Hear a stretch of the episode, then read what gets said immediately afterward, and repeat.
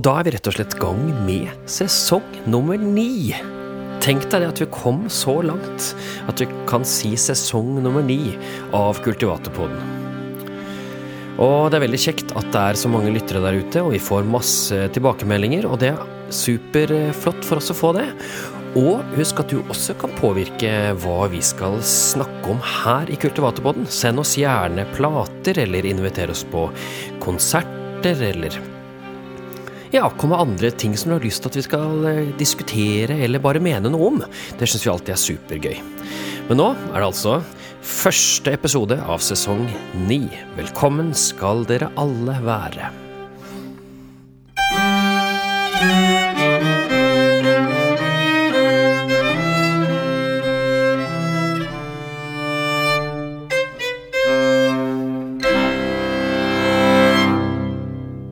Meg som alltid så har jeg rett og slett min kjære kone her i studio, Mette Vårdal.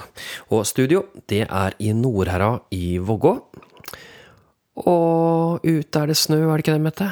Du, det er så mye snø at jeg har eh, akkurat blitt ferdig med å måke, så kommer det en ny ladning, og så må du til å måke igjen. Men eh, vi liker vinter. Ja, og du må jo måke litt flere steder nå, fordi du uh, har fått et hus i hagen din. Ja, ikke bare jeg. Vi har reist et hus i hagen, eh, Kulturhuset, som eh, nå er i innspurten. Så nå er det ikke en enslig snekker lenger. Det er gjerne både en snekker og en snekker til, og en rørlegger og kanskje en elektriker. For eh, ved påsketider så flytter vi inn.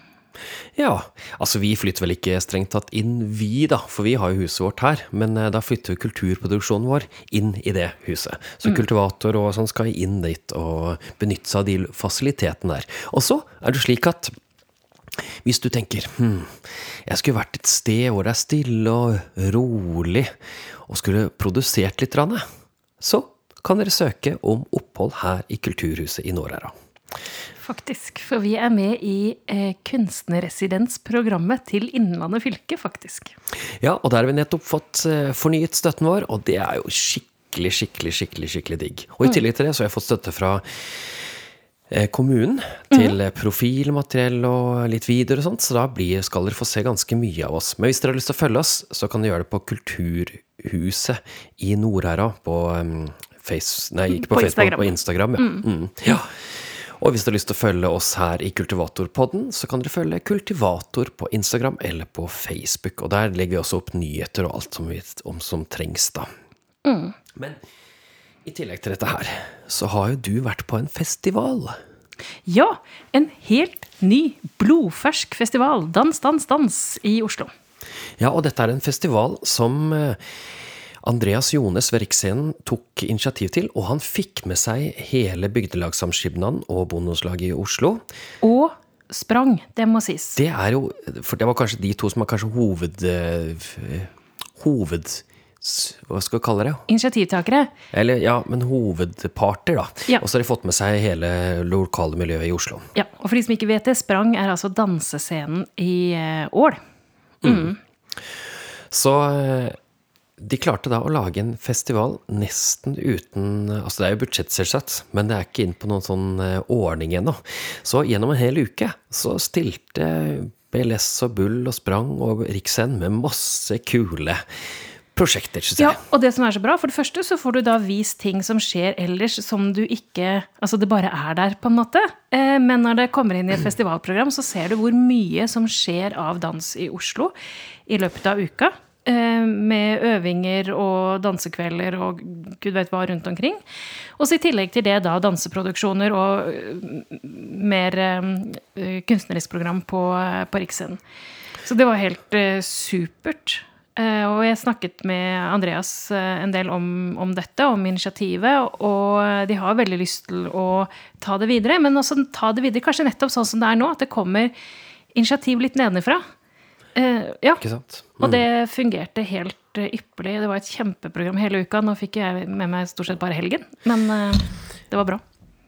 Ja, jeg var der litt underveis. Eh, Jeg hadde ansvar for det som det hele starta med. At jeg sånn, eh, danset meg gjennom folkedanshistorien.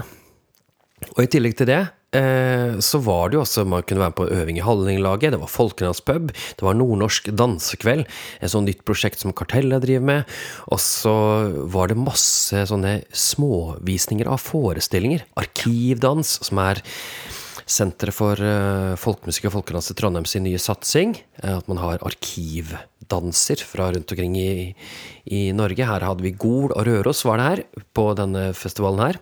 Mm. Og i tillegg til det så så vi altså barneforestillingen Danse med dokke. Springe med en hest. Springe med en hest, ja. Og mm. den har jo du litt å gjøre med. Ja, jeg har laget litt kostymer til det. Så både en liten dansedukke som skulle i lite format, og så skulle den opp i stort format. Ja, jeg syns det er kjempefin, spesielt det der til den danseuka. Det er fint. Fint kostyme. Og eh, jeg har vært litt rådgiver for de, da. Mm. Og i tillegg til det så så vi Anita Langedegård sin eh, Stillstand. Ja, og det var jo en altså, tidlig i arbeidsprosessen. Eh, og da hun hadde jobbet med det å være, være stille men eh, det var veldig mye som skjedde. Jeg syns kanskje mer rastløshet, vil jeg si, enn stillhet, kanskje. Ja.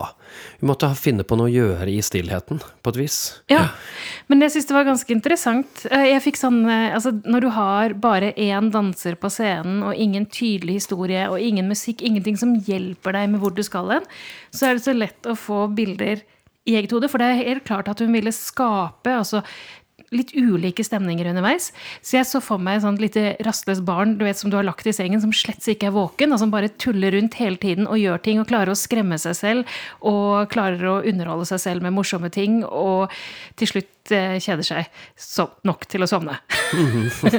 Eh, men det skjer noe hele tiden. Eh, så, ja. ja. Jeg syns det, altså. Det var litt sånn eh, litt ladet start. Fordi vi hadde mm. hørt kanskje litt for mye om hva den egentlig handlet om først. Ja. Fikk, det er sånn litt sånn hvis du, får, hvis du, ser en trailer av en film, og du ser hele handlingen til filmen i den traileren, så er det ikke så hypp på å se filmen, på en måte. Og det var litt sånn i den, det som ble presentert her. Eh, men når jeg etter hvert liksom kom inn i stemningen, og sånn, så syntes jeg det var veldig fint. Og spesielt en eh, periode hvor hun lekte med en eh, pendel, altså en lys Du kan kalle det en slags Lyspære, lampe. Ja. Altså, ja, det var lampe som gikk som hun sendte i pendel, og så hermet det den pendelen. Så på pendelen. Ja, det var kjempefint. Mm. Så eh, vi så de, og så fikk vi med oss eh, det som jeg kanskje syns er aller viktigst, da. Nemlig en ekte dansekveld med både ungdommer og voksne. Og det var helt stappfullt på Riksscenen. Småviltlaget hadde jubileumskonsert. Og det var altså så fullt at de måtte nekte folk i døra. Det liker vi. Eller altså Nei, ikke at de måtte nekte folk, men at det, det er for fullt, ja. Det er mm. helt utrolig kult, altså. Mm. Ja. Eh, så det var helt Og da da fikk både våre være med og spille der på, tidligere på kvelden, og så fikk jeg lov til å være med og spille en liten polsøkt på slutten etter at småviltlaget var ferdig. Det var mm. kjempegøy, altså. Mm. Ja. Men du må ikke glemme den store forestillingen på fredag, med Ome. Nei. Med Sivert Holmen og Silje Onsdag Haarlin. Jeg fikk jo ikke sett den. Nei, men jeg fikk det. Ja, Så ja. kan du fortelle litt om den. Ja, for jeg har slett ikke glemt den. Jeg syns den var helt fantastisk. Altså, det er det er utrolig deilig, og kanskje fordi at vi hadde sittet og sett på sånne prøveforestillinger før på dagen, der du er mer liksom spørsmål Ok, fikser de ideen? fordi det er et arbeid under prosess. Så kommer du til noe som er kjempeferdig, som har to dyktige eh, rutinerte utøvere på scenen. Du sitter aldri og er usikker på om de klarer å dra det i havn. Og det gjør at du kan begynne å reflektere mer over virkemidler, over eh, Altså bare bli betatt av det som skjer. Og det åpner så mye, mange rom. Og jeg synes det var så deilig de periodene og ganske store deler av forestillingen. Altså når det er en mann og en dame på scenen, det, og det er dans, som jo er fysisk, så er det veldig lett at dette handler om forholdet mellom mann og dame, eller altså forholdet mellom to mennesker. Ja. I store deler av forestillingen så var det som om de ikke så hverandre. Oh. Og jeg elsket det. Og vet du hva? Å, jeg var så glad for det. Eh, for det gjorde at eh, altså Det er jo ikke noe i veien for å lage forestillinger som handler om relasjoner mellom mennesker, men det er så oppbrukt. Altså, vi har sett det så før, og så lukker det litt tolkningsrommet. Ja. For her så var, det, så var, du nødt til å finne ut av hva er det de gjør. Altså Når de er så til stede sammen på scenen, og allikevel ikke i det der eh, samspill, intime samspillet, da. Eh, nei, det, sy- det syns jeg kanskje var det aller aller mest fascinerende. Og så har jeg klart å snakke med noen etterpå som var sånn Å nei, nei, de likte jo aller best når de dansa sammen. Og det kan de også skjønne, fordi at da skjønner du hva det handler om. Eh, jeg, de hadde en introduksjon, men jeg husker ikke hvor lenge hva de sa. Og det spiller ingen rolle, fordi jeg behøvde ikke at denne forestillingen skulle handle om noe som helst. Uh, Det var bare gode ideer som ble godt gjennomført og landa godt, og gjorde at du kunne tolke og skape deg bilder akkurat der du var i den situasjonen. Uh, og det, det liker jeg kjempegodt. Uh, ja. Jeg, jeg tror jeg kan se den igjen og i en annen setting og få et helt annet inntrykk og helt andre bilder i hodet. Og det syns jeg er et kjempekvalitet.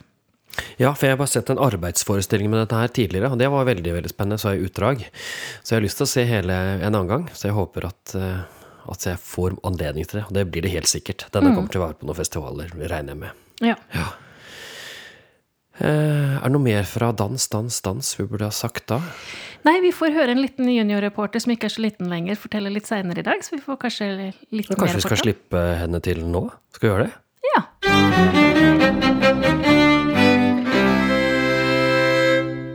Og velkommen inn i studio, eh, Vilde Vårdal. Ja, Ja, du bor jo ikke her i Vågå lenger. Hvor er det du har flyttet til henne nå? jeg har nå flyttet til Vinstra. Ja, trives du? Det gjør jeg. Ja. Og jeg har skjønt at det er slik at du ikke ofte er på Vinstra i helgene. Nei, eh, det ender ofte med at jeg drar til Oslo. Ja, hva skjer i Oslo, da? Eh, Der skjer litt forskjellige ting. Men ofte er det da kurs som jeg er på. Eller Ja. spilletimer. Så enten så er det talentutviklingsprosjektet til Norges musikkhøgskole, så vi anbefaler flere unge der ute å søke. Ja.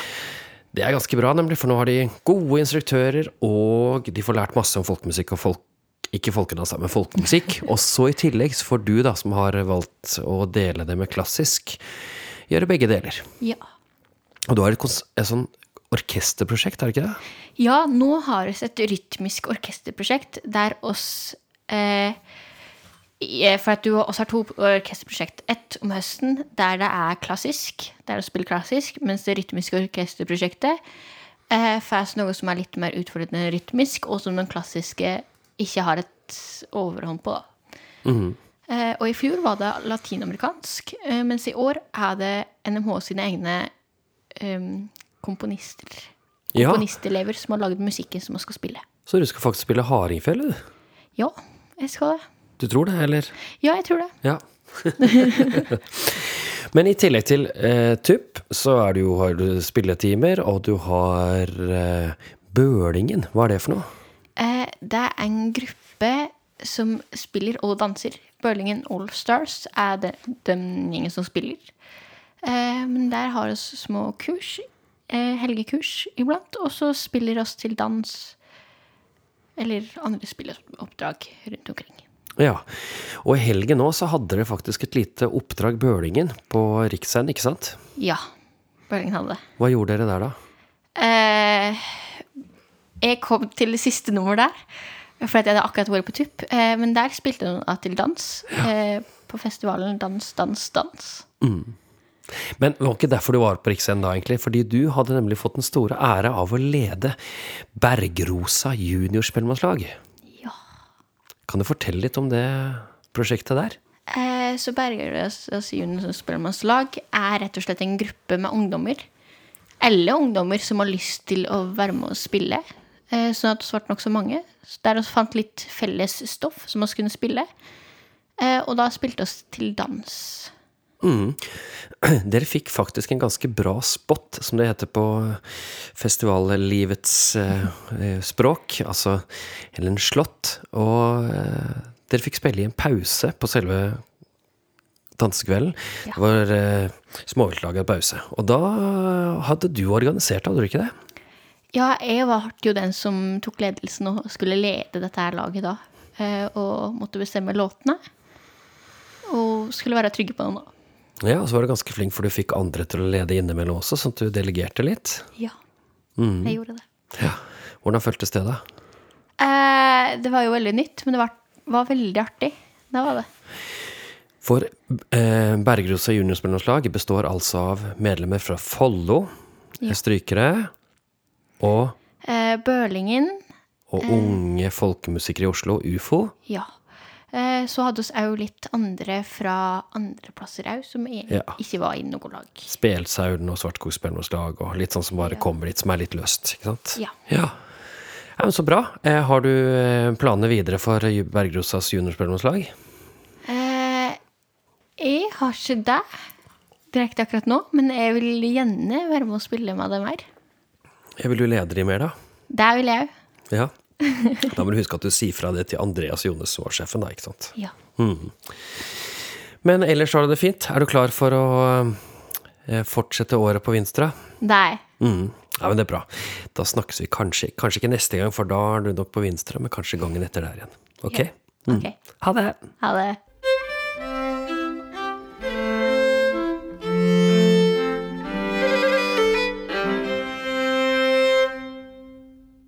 Så vi kan jo si helt klart at Dans, dans, dans var en vellykket festival. Altså Det var flust av folk på Riksscenen. Det var flust av folk på både øving i Bondelandslaget i Oslo, altså i Leikeringen, og på Folkenes pub, og på, i Hallinglaget, og på alle disse her eh, Alt på Riksscenen, altså alt overalt, var det fullt. Så det vi kan si, er at det er en danseglede der ute. Definitivt. Ja, det er rett og slett en storm av dansere. Og det er veldig gøy. Jeg syns det er kjempemoro at eh, så mange har lyst til å danse, og at det er så stor glede av å danse folkedansedag. Ja, og at vi eh, igjen har et størst fokus på den sosiale dansen.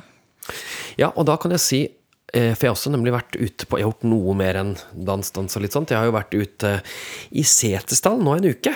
Ja, du er jo nærmest blitt setesdøl. Ja. Eh, Jeg slapp eh, plata mi ordentlig der. I Åseral, faktisk. eh, På kultursenteret der som heter Minne. Verdens fineste plate Nei, kake. Helt nydelig kake fikk, var det serveringen der etterpå. Og for en gjeng. Der fikk jeg treffe nevøen til Gunnar Austegard, og jeg fikk spille på felet hans, og jeg fikk prata masse med folk, og Nei, det var helt kjempegøy. Ja. Men dagtid, da er jeg altså rundt på skolene, og nå har jeg klart å få alle ungdomsskoleelever i hele Setesdal til å danse gangar uten at jeg hyller 'underarm', 'underarm', eh, to, tre 1, 2, 3 og sånne ting. De bare gjør det. Ja. Og det viser også at det er en mer åpenhet for det nå rundt omkring. At man rett og slett inkluderer dansen.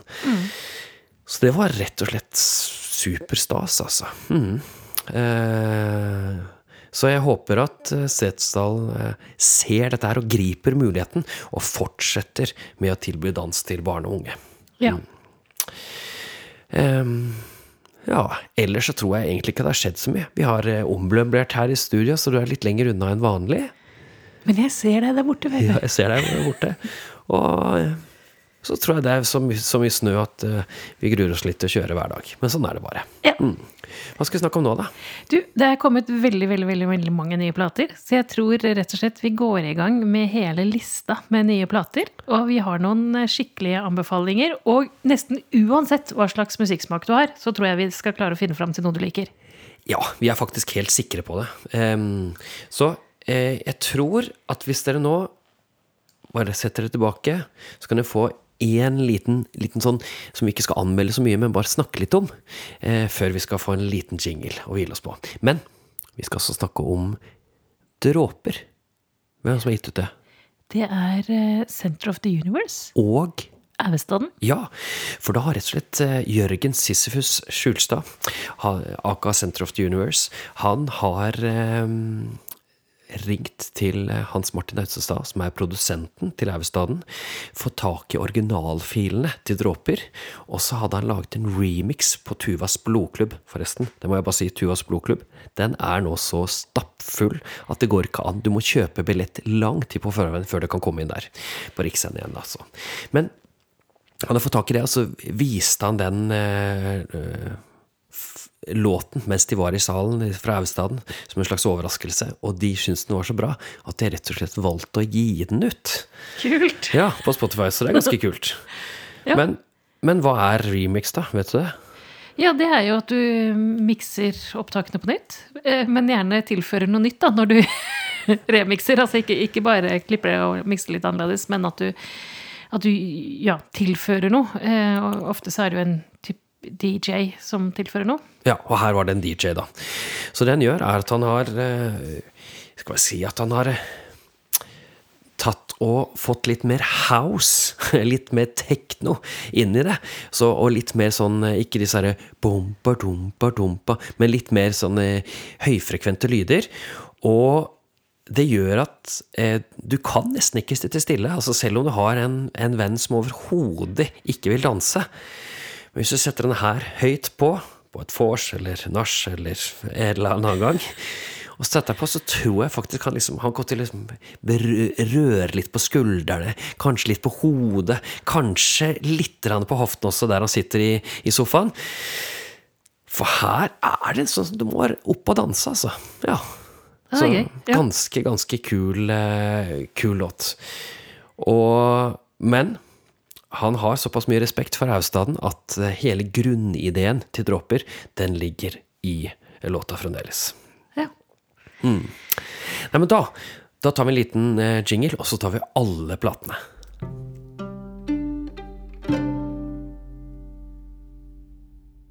Og da skal vi starte med en rett og slett en superkul plate. Jeg, sier det bare med en eneste gang.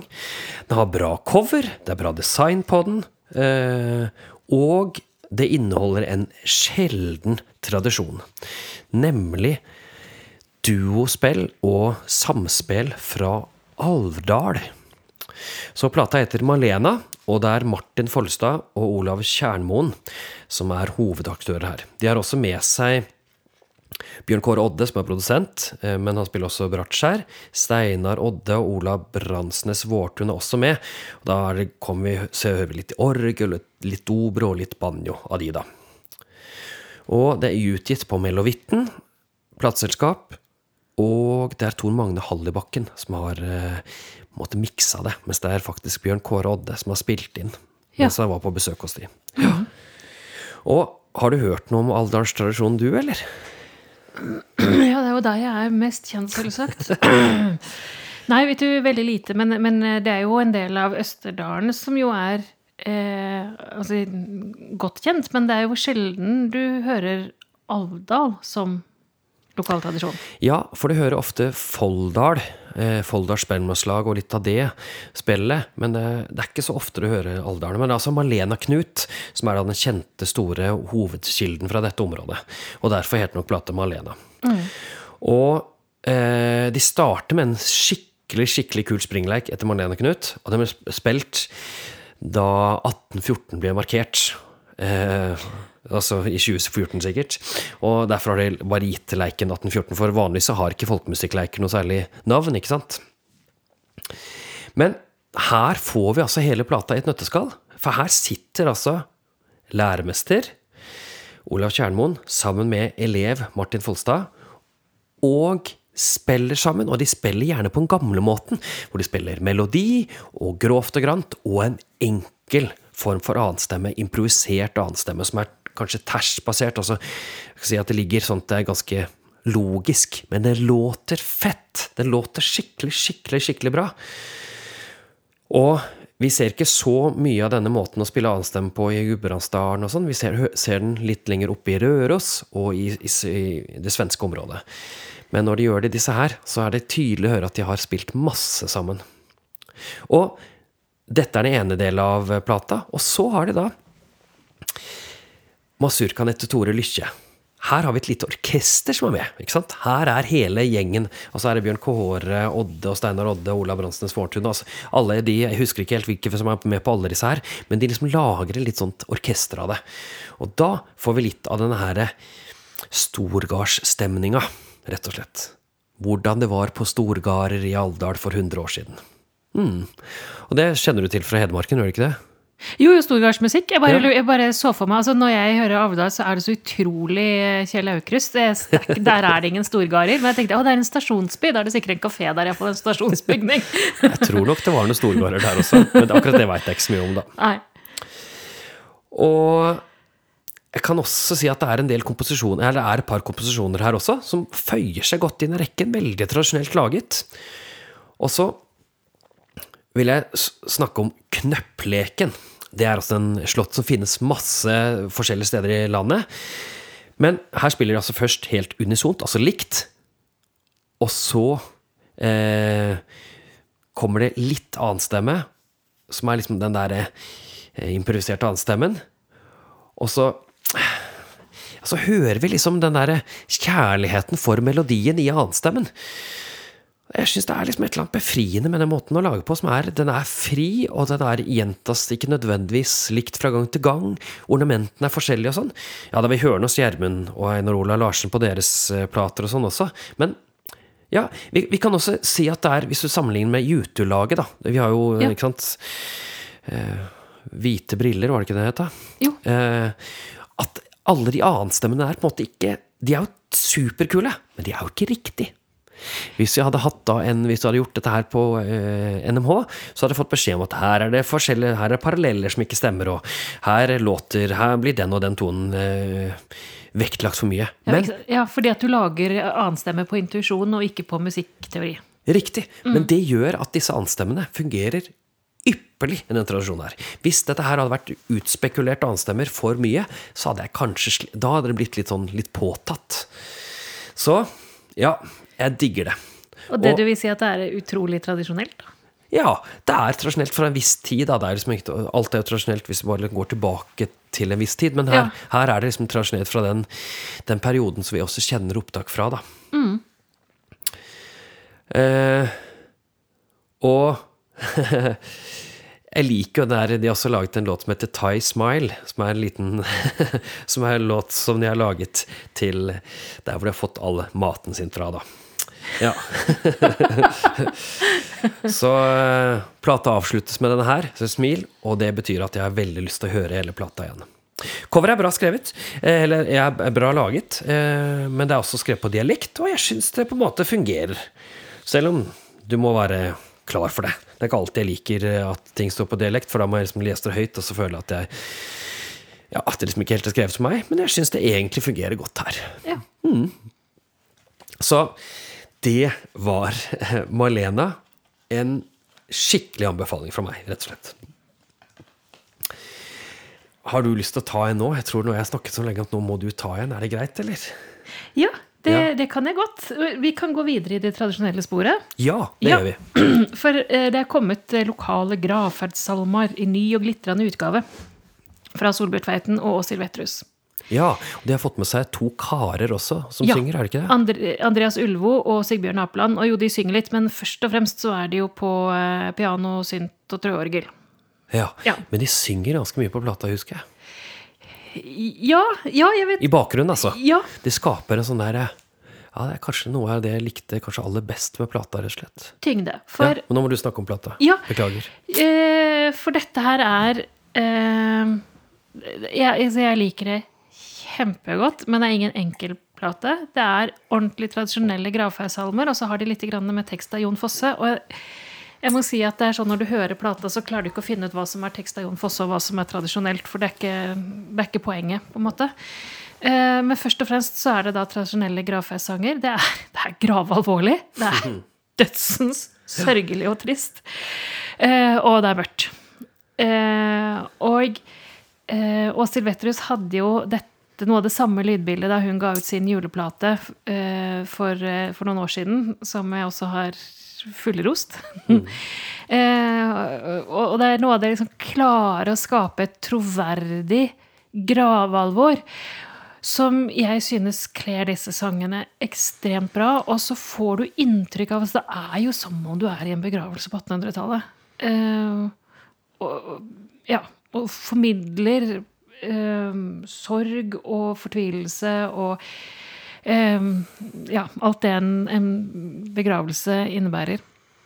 Og så liker jeg også veldig godt at verken Åshild eller Solbjørg har altså Det er sikkert feil begrep, da, jeg ser, men jeg brukte å kalle det ikke veldig store stemmer. Eh, altså Det er ikke veldig stort omfang, det er ikke veldig, det er ikke veldig masse bravur. Det er veldig rett fram. Og det kler også dette her gravalvoret. Altså den derre følelsen av å være tett på et menneske som synger, og ikke sitte og beundre en stor sangerinne. Ja. Ja, fordi eh, Solbjørg og Åshild sine stemmer kler absolutt hverandre. Og når vi syns det på en måte blir for mye diskant i dette her, så kommer da Sigbjørn og Andreas sine stemmer og eh, Hva skal vi kalle det? Eh, gjør det på en måte enda mer eh, stort, eller mer klangfullt, da. Fyller ut stemmene. Men det er bare unison sang. ja. Det er ikke noe sånn eh, korsang her, bare sånn at dere vet det. Nei, nei, altså det er jo som om menigheten sitter og synger sammen i sorgen. Ja. Ja, og så er det ganske heftig arrangement da, som Sigbjørn og Andreas gjør, eh, som, lager, som gir ganske mye til låtene. Så det er jo ikke akkurat som å sitte inn eh, hvis, du, hvis jeg hadde vært så heldig å sitte og hørt så gode musikere i en Det gjør man ikke, men det, det kler dagens moderne folkemusikkbilde veldig godt. Ja, og det var det jeg skulle si, at det er jo derfor man kan gi det ut på plate. Altså fordi du har med eh, gode arrangementer og dyktige musikere som gjør at du eh, ikke blir verken helt fortvilet eller, eller liksom helt eh, Ja, altså det er, det er så godt gjort. Men det er ingen lett plate å høre på. Det er det ikke. Eh, og du setter ikke på dette på fest, tror jeg. Kanskje Nei, det, da må det være en veldig sær fest. Ja, da- Kanskje en sånn emo kids-fest. Nå skal vi høre på en plate, skal vi alle sitte stille, og vi skal se ned i fanget. Men, Men jeg jeg- har hørt på den flere ganger, eh, faktisk. Det er en av de platene jeg har hørt på ganske mange ganger. ja. Den er eh, Og alle de Ja, altså Fra høge himmel var liksom den hun hadde sist. Julealbumet, Og, mm. julealbumet, og jeg kjenner igjen mange av stil... eh, Stil, altså stilmessig på arrangementene fra den plata også. Mm. Og jeg liker den der at det går mye av de samme tingene går igjen og igjen og igjen og igjen, og bygger opp. At de bruker lang tid på å bygge opp låter. Ja. Jeg liker at de synger unisont etter hverandre. Altså at det ikke er noen store arrangementer i sangen, men at det liksom er en, er sånn crisp i uh, tangentinstrumentene. Ja, for samtidig som det da er veldig altså dypalvorlig, veldig sånn, så er det ikke påtrengende. Altså, det, er eh, det er, ikke, det er ikke sånn eh, som står og banker inn at 'nå skal du grine', men, men det er bare litt sånn tung, mørk stemning. Eh, Men altså, jeg synes det er fantastisk å klare å lage noe som er så overbevisende tradisjonelt og troverdig, og samtidig som er så nyskapende. Eh, som gjør at det fyller ut et rom der, eh, som viser hvordan du kan løfte en ordentlig gammel og krevende tradisjon inn i vår tid og gjøre det hørverdig. Og de har brukt lang tid på det å ha med seg dyktige folk hele veien, og det høres jo igjen, da. Så dette var våre to store anbefalinger. Nå etter en jingle så skal vi høre litt om de andre platene vi hørte på.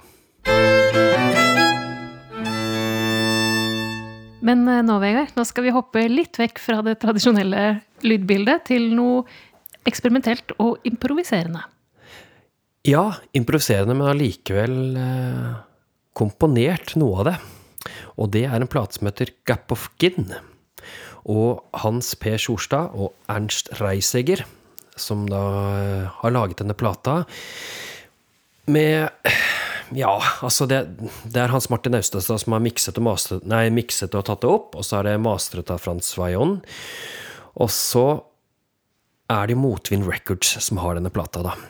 Og da betyr det at det er en plate i Gjerne da i et ganske rolig landskap, og det er mye improvisasjon, og det er mye skal vi si, ettertenksomhet da, i denne her. Ernst Reisiger er en ganske anerkjent cellist fra Nederland, og han kom til eh, Blowout- Blowout-festivalen i 2022, og der traff han Hans P. Tjorstad, som spiller da diverse feler. Og de fant altså den improvisatoriske tonen sammen. For de improviserer liksom etter mønstre, eller etter det kompos... Ja, de har kanskje en melodifrase som skal gjennom, og så er resten improvisert. Og bruk, å bruke, bruke lang tid på å fortelle musikken. Og jeg syns altså dette her er for det første veldig bra lydmessig. Det fungerer veldig godt. Ypperlig mastret også av Frans Vajon. Så Fordi altså, lydkuttene de glir sømløst over hverandre. Og dette her er musikk som jeg egentlig har litt lyst på plate, rett og slett. En god, gammeldags LP. Så Ja. setter jeg på nede med lys og kaster fyr på peisen, og så kan jeg sitte og høre på det. Kanskje mens jeg leser litt i en bok eller et eller annet sånt. noe. Ja, ja, en sånn rolig senkveldplate. Rett og slett. Og så har jeg hørt på den en del ganger, den her også, men den her vokser på meg hver eneste gang jeg hører på den. Og jeg syns kanskje dette er et av de bedre, en, en av de bedre platene fra Motvind Records som jeg har, uh, har i min hylle nå, rett og slett. Uh, Så hvis du er nysgjerrig på improvisasjon, og nysgjerrig på den her ettertenksomme musikken, den stille folkemusikken, så, så syns jeg du skal ta en liten titt, lytt på den her. Og det gjør ikke så mye at det er en cello her, altså. Det kan jeg si, det er litt som favoritt. Cello og fele, de bare blander seg sammen. De får så stort spekter å spille på. Det er rett og slett vakkert, altså. Ja, jeg, jeg, jeg har ikke hørt hele, men jeg har hørt utdrag, og jeg liksom tenkt åh, dette liker jeg, men, men jeg må sette av litt tid. Eh, og det som sier altså, den vokser litt på deg. Eh, så jeg tror eh, Ja, gi den tida. Ja, for da kan vi gå rett over på en annen plate som heter Heimom. Rett og slett. Ehm, og der Den kan du godt gi tid, men der får du det du ber om. Her Der får du en av landets beste folkemusikere, hardingfelespillere, Alexander Agar Øyenstrand, som spiller fele, og han spiller det er et stygt ord som jeg ikke kan si på, på podkast. Bra. Han spilte Det er helt utrolig bra. Ja. Det er bare råbra, rett og slett. Ehm, det er Nils Røyne som har eh, tatt det opp, og så er det mastret, eh, mastret av Fridtjof, og så er det Talik som har gitt ut. Produsenter har vært Nils Røyne og Per Anders Bund Garnås. Og så er det Eva Karlsen som har formet uh, layouten på albumet, og det syns jeg også er ganske fint, altså. Han har fått plass til hele 20 slåtter! Det er jo helt Det er jo så drøyt mye, vet du. Det er nesten en time musikk. Ja. Så jeg lurer på om dette liksom har vært hans uh, Yes! jeg gir én plate, og det er den her. Jeg håper at jeg hører flere plater av han etter hvert. Men altså, dere får høre mange av hans slagere eh, her. Hvis dere har hørt han spille på Kappleikere før, så får dere høre noen slagere her. Men også en del skjulte perler, og ikke minst så er det mange runddanskutt her. Til og med kutt hvor du må litt opp i posisjon. Ja, altså hvor du klatrer opp på felehalsen. Men, men er det nesten sånn at det er, det vil si det er en dokumentasjonsplate av en av dagens unnskyld, fremste utøvere? Ja, men det er, ikke en, det er, er på en måte en dokumentasjonsplate, men det er en soloplate som viser hvor dyktig han er til å spille. Men det er rent tradisjonelt mm. nei, eh, solospill. Og det er det han vil. Han vil eh, Han vil vise Vise hva han er lagd av, hvor han kommer fra, og han dedikerer flere av slottene til folk som inspirerer han. Han skriver så fint om det om å være hjemom, og det å reise og lengte hjem, og ta med seg opplevelser hjem igjen, rett og slett. Eh, og det syns jeg også da Eva Karlsson har klart ganske bra her med coveret, hvor det grafiske på en måte ikke tar for stor plass, men bare støtter opp om uttrykket, det enkle uttrykket her. Og en nydelig fargepalett da, på plata, det må jeg bare si, altså. Ehm, men kanskje altså Hvis du tenker at du er litt sånn usikker på hardingfjellspill, så hør litt på det her. For her, er altså, hver, her er nerve, og hver tone og trille er plassert med, med energi og tyngde. Altså, Hele spilen er, eh, spillestilen er så rein og pen, men samtidig så dyttes det fram av energi og Ja. Han har en helt egen tone som gjør at jeg, hvis jeg hadde hørt ham på Folkemusikktimen nå, eller på eh, Alltid folkemusikk, så hadde jeg tatt han med en gang, altså. Det er jeg ganske sikker på. Så det er rytmisk skriv, samtidig som det ikke er snakk om noe meteronomisk eh, forutsigbarhet. Og det er jo først og fremst konsertspill. Men Alexander viser at i konsertspillet så er det plass til god dansbar rytmikk og et fantastisk fabelaktig driv. Hmm. Så Heimom er også en plate som eh, vi kan anbefale dere, er, hvis dere liker hardingfele.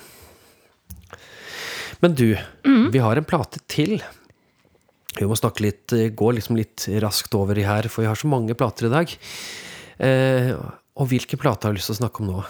Du, det er kommet en plate som heter Kvadbad med rakkarpakk. Ja, og Rakkarpakk det er altså en sanggruppe som har gjort det ganske stort på kappleik. De vant jo faktisk eh, på landskappleiken i sommer. På åpen klasse. På åpen klasse.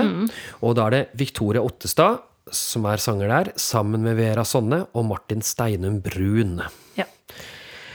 Og eh, Kvabad det spiller på et, prosjekt de har laget, hvor de har rett og slett badstuekonserter.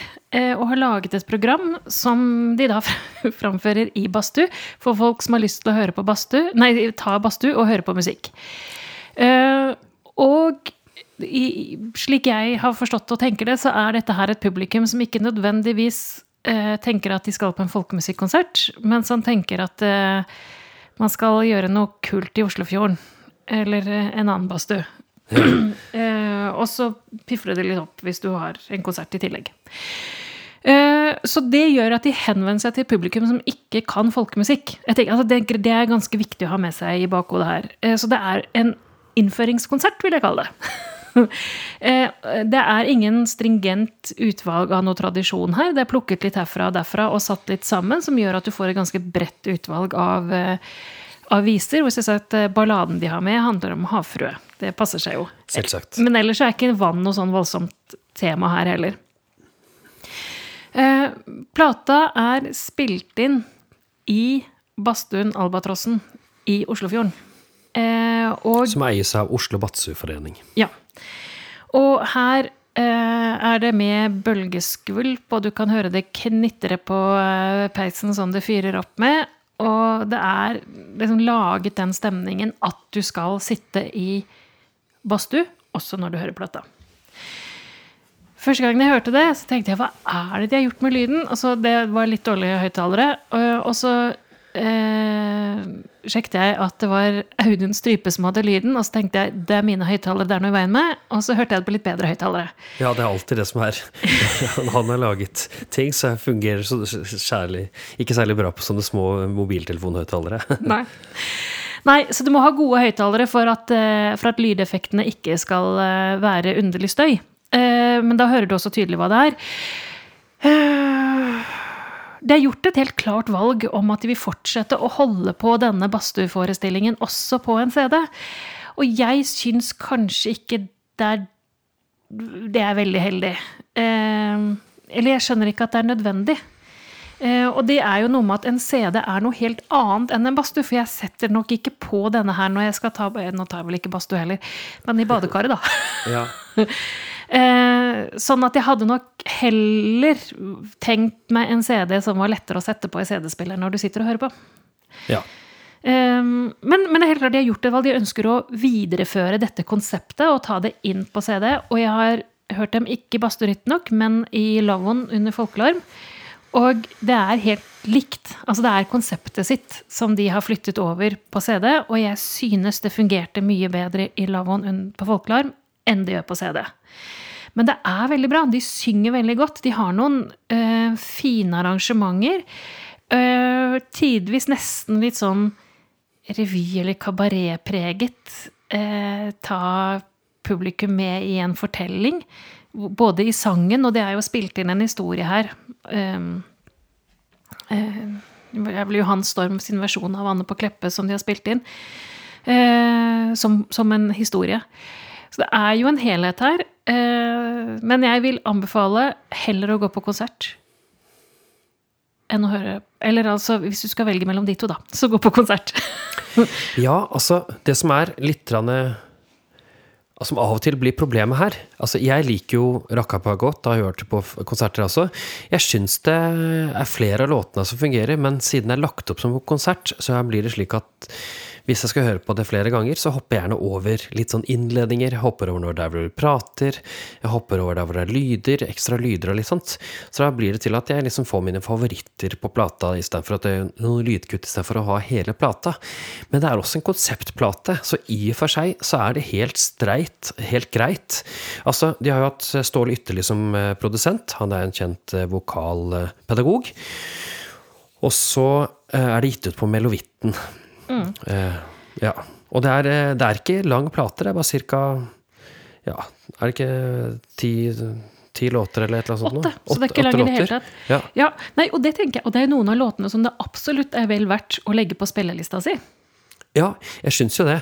Eh, De har jo Nordfjordhalingen først, når det er vært Unni Løvli. Den er jo ganske sånn frisk og ja, kul, syns jeg. Og så er det det at de har valgt veldig mange kjente og kjære folkemusikkmelodier. De har alle mann hadde fota, den varianten i en annen variant. Altså den, den melodien, bare en annen variant. Og så har de Man gikk seg i vedskog, Kråkevisa. Ja. Ja, i en Dine Spåen-låt. da. Ja, ikke sant? Og de har Bæ, bæ, lille lam skal vi inn i her. Så jeg ser jo denne her tradisjonen med eh, forskjellige vokalkvintetter, kvartetter, trioer. Eh, ja, hvordan gjør litt av det samme. Så eh, jeg må si at Eplemøya Songlag, som sikkert også disse her må ha hørt på, eller det er ikke sikkert, men de brukte også eh, Bæ bæ lille lam i en av sine låter. Eh, Så det er jo litt eh, Det er gøy å høre på Rakkarpakk i forbindelse med Fauna vokalkvartett, eh, Tiriltunga og Eplemøya Songlag. Ja, ja de skriver seg jo inn i en, eh, En en, tradisjon der. der. Ja, mm. Og det er, det er dyktige sangere, altså. Så det er, eh, det er flere gode enkeltspor her. Og som sagt, jeg syns det, det fungerer bedre som enkeltspor enn som helhet. Ja, og så leste jeg nå en anmeldelse på NRK, som du kan lese hvis dere vil. Eh, hvor de fikk eh, terningkast fire, og hvor Are så gjerne hadde lyst til å komme på en konsert med dem. Så det kan vi si gratulerer at du liksom fått til det. Ja. Eh, og det er jo litt eh, Jeg skjønner litt av tingene han sier, men samtidig så tenker jeg at jeg liker litt at det ikke er helt perfekt i pitch, og at de klarer faktisk å dra det litt opp og ned her og der. Det liker jeg. Det syns jeg på en måte letter opp uttrykket litt, og gjør at jeg har egentlig litt lyst til å høre på det flere, eller flere av kuttene kan høre på flere ganger. Mm. Ja, bra. Da har dere ennå en ting fra Meloitten. Ja. Ja, Eh, skal vi gå over til et annet plateselskap? Det gjør vi.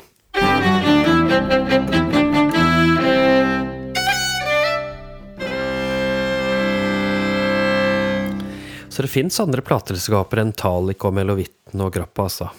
Ja, og vi har jo vært innom eh, Motvind Records, og nå Ja. skal vi innom Kviven Records, tenkte jeg. Ja, hva i all verdens slags plateselskap er det, da?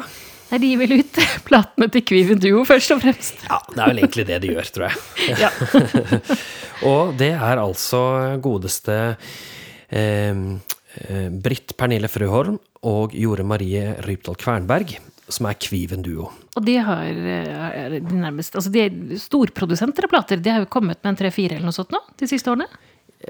Ja, de har kommet med noen plater, men eh, de er jo også hver for seg gitt ut litt plater og sånn, så de er, de er ganske aktive på platefronten begge to. Eh, og de hadde med seg produsent Dag Philip Roaldsnes, som er også litt med på pianotrorgel.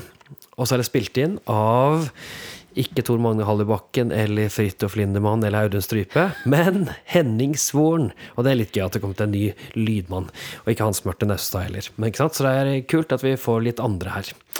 Og så er det gitt ut på deres eget plateselskap, da. og det er bare deres andre plater, skjønner du. Å ja. Ja. Ok, ja, det er bare andre prosjekter jeg har eh, Ja, hengt ikke opp i. sant? For vi har så mange andre ting. Og eh, disse to her er jo sinnssykt gode på å spille fele.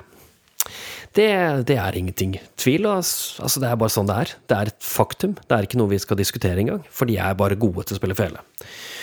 Og det har de jo nå gjort. De har også tatt tak i noen av de med storslagne slåttene i deres område. Og kan jo si at Nordlysets døtre, som plata heter, det betyr at man liksom Man tør å stå i det. Ja, jeg syns det var et uh, friskt navn, uh, som skapte kanskje litt andre bilder enn uh, først. ja, men eh, jeg syns det funker ganske bra, og det er utrolig kult cover, da. Eh, for det, altså det er, De har liksom tatt et bilde av Per J. Vassbotn og liksom eh, endret det med to kvinner istedenfor å sitte imot og spille mot hverandre. Og dette her er jo eh, forsiden på notehefter som jeg har funnet igjen hos min kjære eh, eh, fars sitt arkiv, rett og slett. Som, eh, med slåttevis eh, fra Austfjorden, da, som Hans Geitvik ga ut sammen med sønnen Sivert Geitvik i 1928. Så det er jo De har liksom spilt på det gamle der, da. Og det er jo altså Grensen mot det klassiske er ganske klar og tydelig her. Det er vanskelighetsgrader på disse slåttene som er så heftige at selv en del klassiske utøvere ville ha satt ned foten. Eh, og det er virkelig sånn konsertbravurmusikk. Og fager stryn, ikke sant. Vi har tikronerslåtten, Jølstrabrura. Sistnevnte har jeg spilt med Frode Haltle en gang, på Skeitreffen. Og da er det altså Det er ikke noe Det er ganske vanskelige greier, altså. Heldigvis så er det krydret med litt sånn av og til sånne små, litt enkle ting, som for eksempel Systervals, da, som Jorunn har laget. Um, men Og de har laget alle arrangementene selv. Jeg har jo hørt masse av disse arrangementene i originale arrangementer fra Per Bolstad og, og, og andre. Så det er litt kult at de gjør det. Da får de liksom et ens, ens uttrykk på hele plata. Og de har fått med seg Dag Philip Roelsnes, da, som på trøorgel og piano, ikke sant, når de trenger litt komp for å fylle ut akkordene helt ordentlig. Men her er første gang jeg mener at du bør kjøpe plata fysisk i dag. Eh, bortsett fra LP og liksom sånn, sånn, men her er coveret så bra. For det er velskrevet, og det er godt laget. Det er Eva Karlsson som har gjort det igjen. Hun er flink på dette her. Men her får du masse informasjon om hver låt, og hva slags tradisjon de spiller i. Det er krydret med masse fine bilder, og det er rett og slett en liten fryd å sitte med det coveret i hendene og bla i det. Så dette er en plate du blir glad av å høre. Det er som å sitte i konsertlokalet på rad fire eller fem, og du kan sitte rolig og høre fantomene der foran spill, spiller så svetten spruter. Hvis jeg skal gi litt sånn tanker, så tenker jeg kanskje at de kunne fått til å skille litt mer på felene, for de glir litt over hverandre. Og det gjør at melodien av og til forsvinner litt, faktisk, i noe av dette her. Eh, og så må det være klar for energibombe. Du må liksom være klar for det. Ja, for det er begge dere to sitt spill kjent for. Ja. Det her, her spruter det toner og svette og smil og glede, og de hopper og de står på. Dette her er eh, mye energi, og det hører vi også på plata. Men jeg vil bare anbefale at dere, hvis dere ikke hører på noen ting, så bare hør på siste låt, Caseys vals. Åh, for en låt, rett og slett. Nei, dette er morsomt. Og veldig bra de kom ut med en plate som tør å ta tak i det klassiske i folkemusikken på den måten her. Ja, det liker jeg. For det er ikke klassiske musikere, det er folkemusikere som spiller veldig, veldig vanskelig musikk. Mm. Og så har jeg lyst til å ta tak i en annen plate. Det er greit, det? Ja, det er vel dagens siste, tror jeg. Ja, jeg tror vi begynner å nærme oss. Ja. Og det er The Norwegian Hardanger Lutes. For Lars Tørresen fra Bergen, han er en instrumentmaker som jeg traff her på sånn instrumentmaker-symposium i Oslo. Han eh, lager lutt og diverse andre gitarlignende instrumenter. Og så hadde han fant hun at ja, hvorfor ikke lage en hardinglutt? Altså Lutten den er jo tilbake helt til 1500-tallet, men her er det en lutt som har med understrenger i tillegg. Det er ganske tøft. Så det er en kort plate. Det er eh, bare 30 minutter og, og 10 låter. Og eh, det fins jo ingen historiske skiller for selve lutten, sånn som det ser ut. Men vi får liksom et inntrykk av hva Lars Tørresen har ment når han skal lage den plata. Og det er Tom Willy Rustad som spiller. Han har jo gått på gått høyere utdanning med gitar, nylåstrengsgitar, som eh, hovedinstrument. Og eh, det kan man høre at han har den bakgrunnen på, på plata. Men det er godt spill, ikke sant. Det er tydelige melodier. Det er eh, det er tydelig at han kan slåttetradisjonen. Har tatt veldig mye utgangspunkt i den fra Vestlandet, men krydret med litt, litt andre ting, sånn som en liten vals fra Trond, eh, Trond, Torvald Tronsgaard, og litt egne komposisjoner.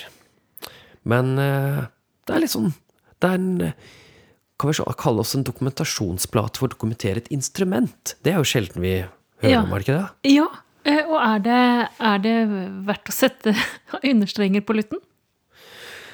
Ja, det er det. Altså, vi hører den, men eh, det er litt vanskelig å høre på plata, men vi hører det på et vis. Eh, vi får liksom, han har, jo spilt inn en del hardingfeleslåtter, så da kan vi liksom sammenligne med det. Kan vi høre på Håkon Høgemo spille med og så kan vi høre han spille med, med sine egne negler, da, ikke sant? Så det som jeg kanskje skulle ønske meg også, er at vi får høre det her Hardangerlutten spilt av uh, luthenister. Altså mm. folk som har spilt lutt som hovedinstrument. Uh, se hvordan de vil tolke det.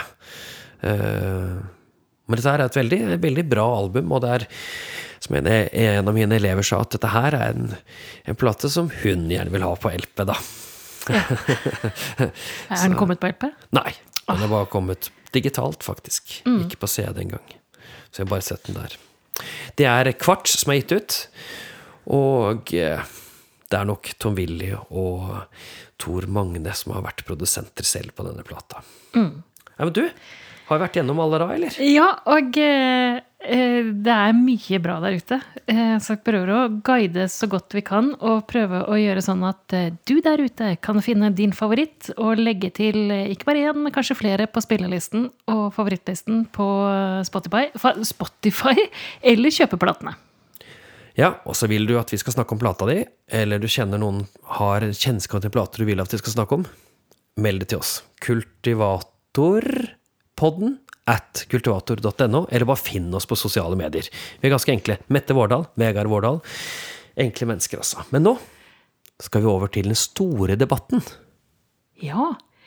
Har... Som får både svenske og norske kverer til å sprute eh, data... Ja, tastaturet fyker veggimellom. Ja. ja. Mm. For å innlede den debatten så har jeg rett og slett hentet inn en liten ekspert.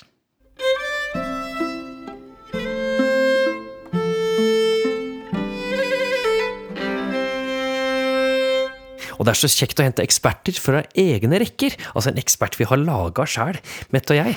Og hun heter Mie. Og det er deg. Og i dag så har du på en uh, genser som står uh, Merry, Merry Christmas. Ja, fordi vi er veldig glad i jula her i familien, ikke sant? Ja. ja. Hvordan går det med deg? Det går uh, ganske bra. Ja, Har du hatt det fint etter jul, da? Ja. ja. Hvor fint da, på skala fra én til ti? Uh, ni. Å, det er bra. Ah. Perfekt. Og du er jo ikke av de som kanskje har sittet og hørt så mye på, um, på Grand Prix, men du har nå fått i oppgave å høre på Keiino, Ingrid Jasmin og Gåte. Og da vil jeg gjerne høre, hva syns du om de innslagene? Jeg synes at Hvis vi starter med gåte, så syns jeg det var litt rar blanding av rock og folkmusikk. Og at det ikke ble satt sammen så bra. Og uh, Ingrid Jasmin, uh, hun var uh, flink til å synge, men Ja Men jeg likte ikke så godt dansen og sånt. Du likte ikke den dansen så godt, nei? nei. Altså Keiino, da? Uh, jeg syns den var kul, men uh, de uh, svarte boksene, greiene, ja. de var litt sånn rare. Ja. Så du likte egentlig alle tre, men jeg syns det var litt rare med alt, da. Hvis vi, hvis vi starter med Ingrid Jasmin. Kunne du høre norsk folkemusikk i det hun drev med? Jeg kunne litt norsk folkemusikk. Ja. Ja, Men du hørte også litt eh, fra andre steder enn fra Norge, eller? Eller tenkte du ikke noe over det? Jeg tenkte ikke så mye over andre steder. Jeg tenkte bare mest på norske folkemusikken. Ja. Og så hadde de klær som var revna opp litt, og så dansa de ganske en tøff dans, da. Ja. ja. Men de hadde ingen instrumentalister på scenen, så de spilte på track. Så de sang på track, ikke sant. Ja. Og så var det Keiino. Ja. Ja, Fortell litt mer om det bandet der. Uh, det var uh, Det var to uh, musikalister på ja, ja, ja. scenen. Ja. Jeg husker ikke helt hva de gjorde først, men på slutten så kom de og sang og sånt. Ja. Det er altså Fred Buljo, som er da en sånn rapper og joiker. Og så er det Alexandra Rotan. Og så er det Tom Hugo Hermonsen. Det er Keiino. Så det er norsk-samisk samarbeid. Og det ble dannet i august 2018, står det på internettet. Så her hadde de, tak, de hadde liksom tatt en, et stev, mente de, en stevtone, og så hadde de gjort det om, eh, lagt inn i sangen for å få litt folk med folkemusikk. Da kom Sørlandssendinga og spurte meg om jeg kunne spille den, og det har jeg gjort. Ja. Men så kom vi til de som vant hele Grand Prix. Gåte med Ulvehann. Jaho! Ja. Så da sang de sånn. Ja. Hvordan syns du det, da? Jeg syns uh, uh, Det var litt uh, Det var litt kult når hun sang og sånt, men som sagt, det var rar blanding av folkemusikk og eh, eh, rakken og Vi kan kalle det rock, ja. Mm. Ja. Så du vil helst at noe helst, noen helt andre skal ha vunnet Melodi Grand Prix? Du er sikkert da. Ja, eller jeg er ikke så Jeg er ikke så fan av den moderne musikken, så jeg hadde, ikke, jeg hadde sikkert ikke likt alt. Og det sier vår datter. Jeg er ikke fan av den moderne musikken. Ikke akkurat ja. Ja, jeg skjønner, jeg skjønner det mye. Men du, da skal du få lov til å gå til å lytte til litt sånn umoderne musikk. Og så skal du spise litt fastelavnsbolle, for det har du laget i dag. Å, fy søren, så god de var. Mm. Ok, da snakkes vi seinere, ok? ja. Ha det bra, da. Ha det.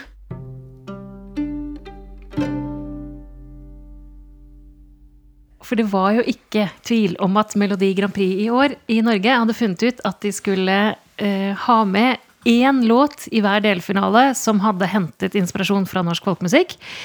Eh, og når vi har sett på eh, Trollstemt, denne dokumentaren som gikk før jul, så var det også tydelig at NRK var helt bevisst på at eh, suksessoppskriften for å, for å vinne Grand Prix, det er å blande inn nasjonal kultur i vinnerbidraget. Eh, som dere kanskje hørte, så er ikke Grand Prix det som står høyest på agendaen her i huset. Eh, hos noen. men, eh, men det er veldig artig. Vi har ikke diskutert dette med Mie. Hun fikk bare i oppgave å eh, se på videoene og si hva hun syntes, og hvordan hun opplevde folkemusikken i de. For det er jo tre svært, svært ulike måter å håndtere folkemusikken på. Um, Keiino, som vel har hentet et melodigrunnlag som du må lete litt etter å finne. Veldig integrert. altså Det er en fullverdig popsang som de presenterer. Ingrid Jasmin, som du ikke behøver å lete i det hele tatt for å finne folkemusikkelementer. Eh, både norske og andre.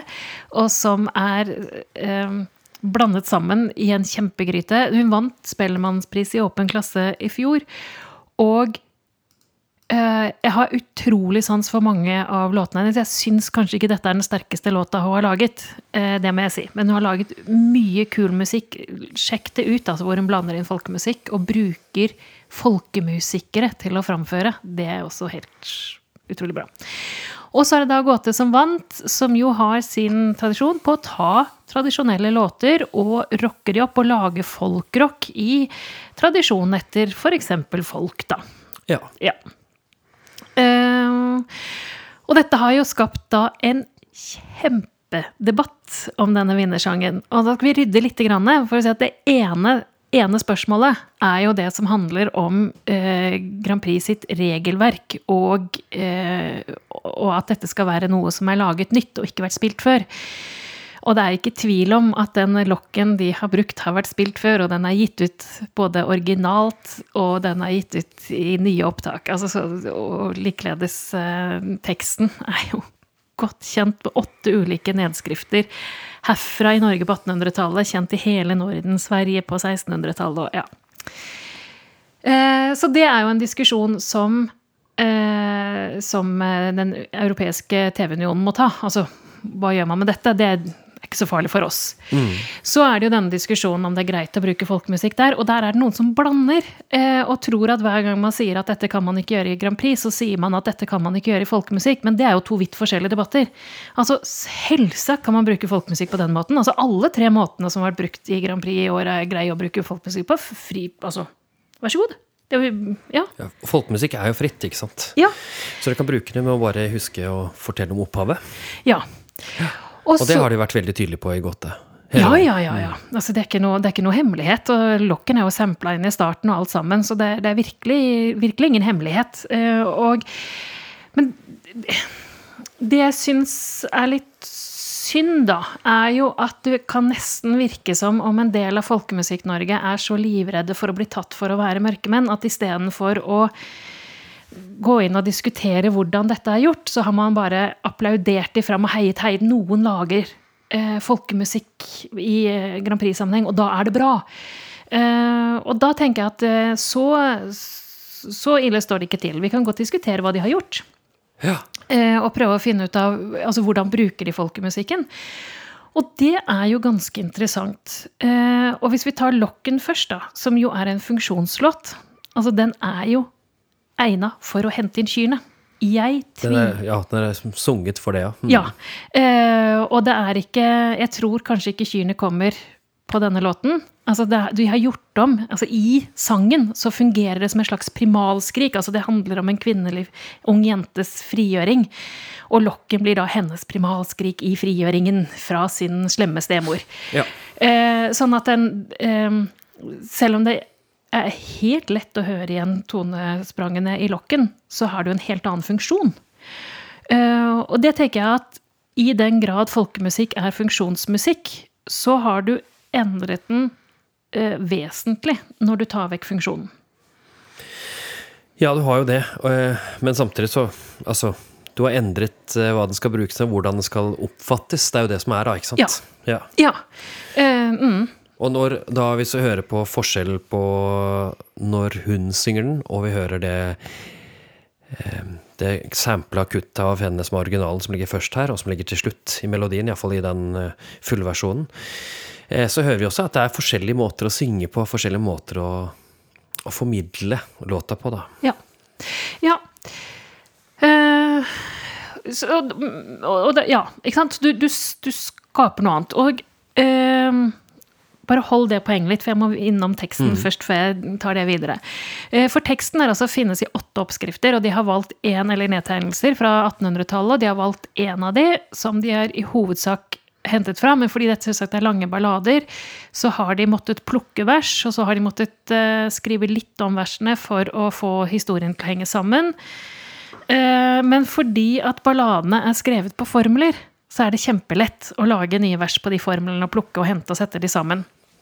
Men så ble det jo da eh, ikke godkjent å bruke i Grand Prix, så da måtte de lage nye vers på noen av de. Og det er litt mer krevende, syns jeg, å høre på, fordi man, hvis du kjenner formlene som ballade bygger på, så må de nå bruke nye formler. Og så blander de det med de gamle balladene, og da, da krasjer det. Altså da hører du Her skrev de et nytt vers. Her brukte din gamle formuleringen. mm. så, så sånn musikalsk sett så skulle jeg jo ønske selvsagt at de kunne beholde den gamle, fordi den er jo mer helhetlig. Men det er en ikke veldig kjent ballade, eller ikke mye brukt ballade, så det er jo fint at de tar opp igjen denne teksten. Og som sagt, den finnes i flere varianter, så det er rom for mange her å gjøre noe gøy på balladen. Og det er jo teksten her som kanskje er det som er mest bevart. Men, og her kommer det igjen den der funksjonsgreia mi eh, De Gåte har aldri henvendt seg til eh, et folkemusikkmiljø som har lyst til å gjøre noe eh, gøy med folkemusikken. De henvender seg til et stort publikum der ute, som er det samme publikummet som f.eks. ser på Game of Thrones. Og den type ting. Det er en estetikk, det er en idé om en slags middelaldersk gammel tid som, eh, som folkemusikken passer inn i. Men denne tida er på en måte plassert ja, nesten litt sånn eh, vikingtidalder. Eh, egentlig litt før høymiddelalderen i Norge, når balladene kom til Norge. Og det er jo derfor også de går ut og sier at dette er en tusen år gammel ballade. Det er det nå ikke. Nei, selvsagt er den ikke det. Nei. Men den estetikken, det publikummet de forholder seg til, de har en idé om noe som var så gammelt. Det er, det er den tida de plasserer folkemusikken inn i. Ja, vi snakker jo eh, band som Vardruna og lignende, ikke sant? Ja. Som også han ene i Gåte nå er fra, faktisk. Ja. ja. Eh, ikke sant. Og som jo da er tida før den kjente folkemusikken kom til Norge. Som jo da er Altså, balladene kom jo med høymiddelalderen på 1200-tallet. Eh, så var det selvsagt musikk før også, men altså den, den vet vi fint lite om. Eh, og det gjør jo at de flytter hele den tradisjonen som folkemusikkmiljøet jobber med, for det første flere hundre år bak i tid, og ut til et annet publikum som har en annen referanseramme enn det folkemusikken i dag har. Og så gjør det noe? Overhodet ikke. De gjør ingenting. Det er kjempefint. Men det jeg blir litt fortvilt over, det er jo når folk sier at å, nå skal gåta altså, Det er redningen. Nå skal folk skjønne hva folkemusikken er, hvor spennende folkemusikken er. Og da blir jeg litt sånn Må vi gjøre oss så små? Altså Her sitter vi som et fantastisk folkemusikkmiljø, og så venter vi på at noen skal redde oss. Kan vi ikke snu på det? Kan, ja. ja. for jeg syns jo Alexander Rybak skulle gjøre det samme. Altså, alle her skulle inn og redde folkemusikken. Det som jeg syns redder folkemusikken, det er sånn som eh, Alexander Røynstrand, som er sin plate heimom. Jeg syns det er redder folkemusikken mer. Jeg syns vi har uh, snakket om flere plater i dag som også redder folkemusikken på en helt annen måte enn dette her. Vi skal ikke nå ut til massene, på en måte. Det Nei. er ikke så, så viktig, og iallfall ikke ja. Nei, og jeg tenker at gåte eksisterer fordi du har et stort folkemusikkmiljø. Altså, de er eh, selv om de denne gangen har gått lenger tilbake i arkivmaterialet enn jeg har sett de gjort før, ofte så har de brukt andres innspillinger, utgitte bøker, ut, altså ferdig bearbeidede ting. Gåte kan eksistere fordi vi har et sterkt, bredt, aktivt folkemusikkmiljø. Altså, det er jo bare Det er mindre enn 50 år siden vokal kom som eh, klasse på Landskapleiken. Siden det så er det hentet fram enorme mengder med vokaltradisjon som gåte kan hente fra og bruke og gjøre noe gøy ut av. Og kjør på. Men og jeg tror egentlig Gåte er klar over dette selv. Definitivt. Altså, dette handler om vi i folkemusikkmiljøet ja. som gjør oss små, og som sitter og sier 'tenk, noen ser oss og tar dem ut i Grand Prix'. Slutt med det! Vi må si 'så sterke er vi, så mye har vi', at vi til og med kan sende dette ut i verden. At noen kan bruke av det mangfoldet vi har av brukere. Kjør på! Det er plass til mange flere! Helt klart. Og det syns jeg vi skulle gjort. Altså, ja, ærlig talt. Og hvis noen finner ut at uh, dette syns de er gøy, så skal vi stå der med åpne armer og si at dere kan lære mye, mye mer. Uh, og få en helt annen referanseramme enn den referanserammen Gåte gir dem, selvsagt. fordi det er jo det som er folkemusikkmiljøet. Og de kan leve fint side om side. Gjør ingenting.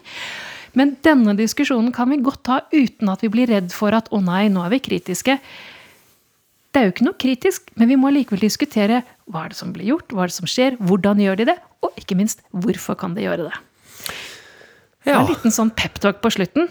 Slå deg på brystet. Den, eh, tok, den var en liten stund, vet du. Ja, ja. Den tok sine kvarter, for å si det sånn.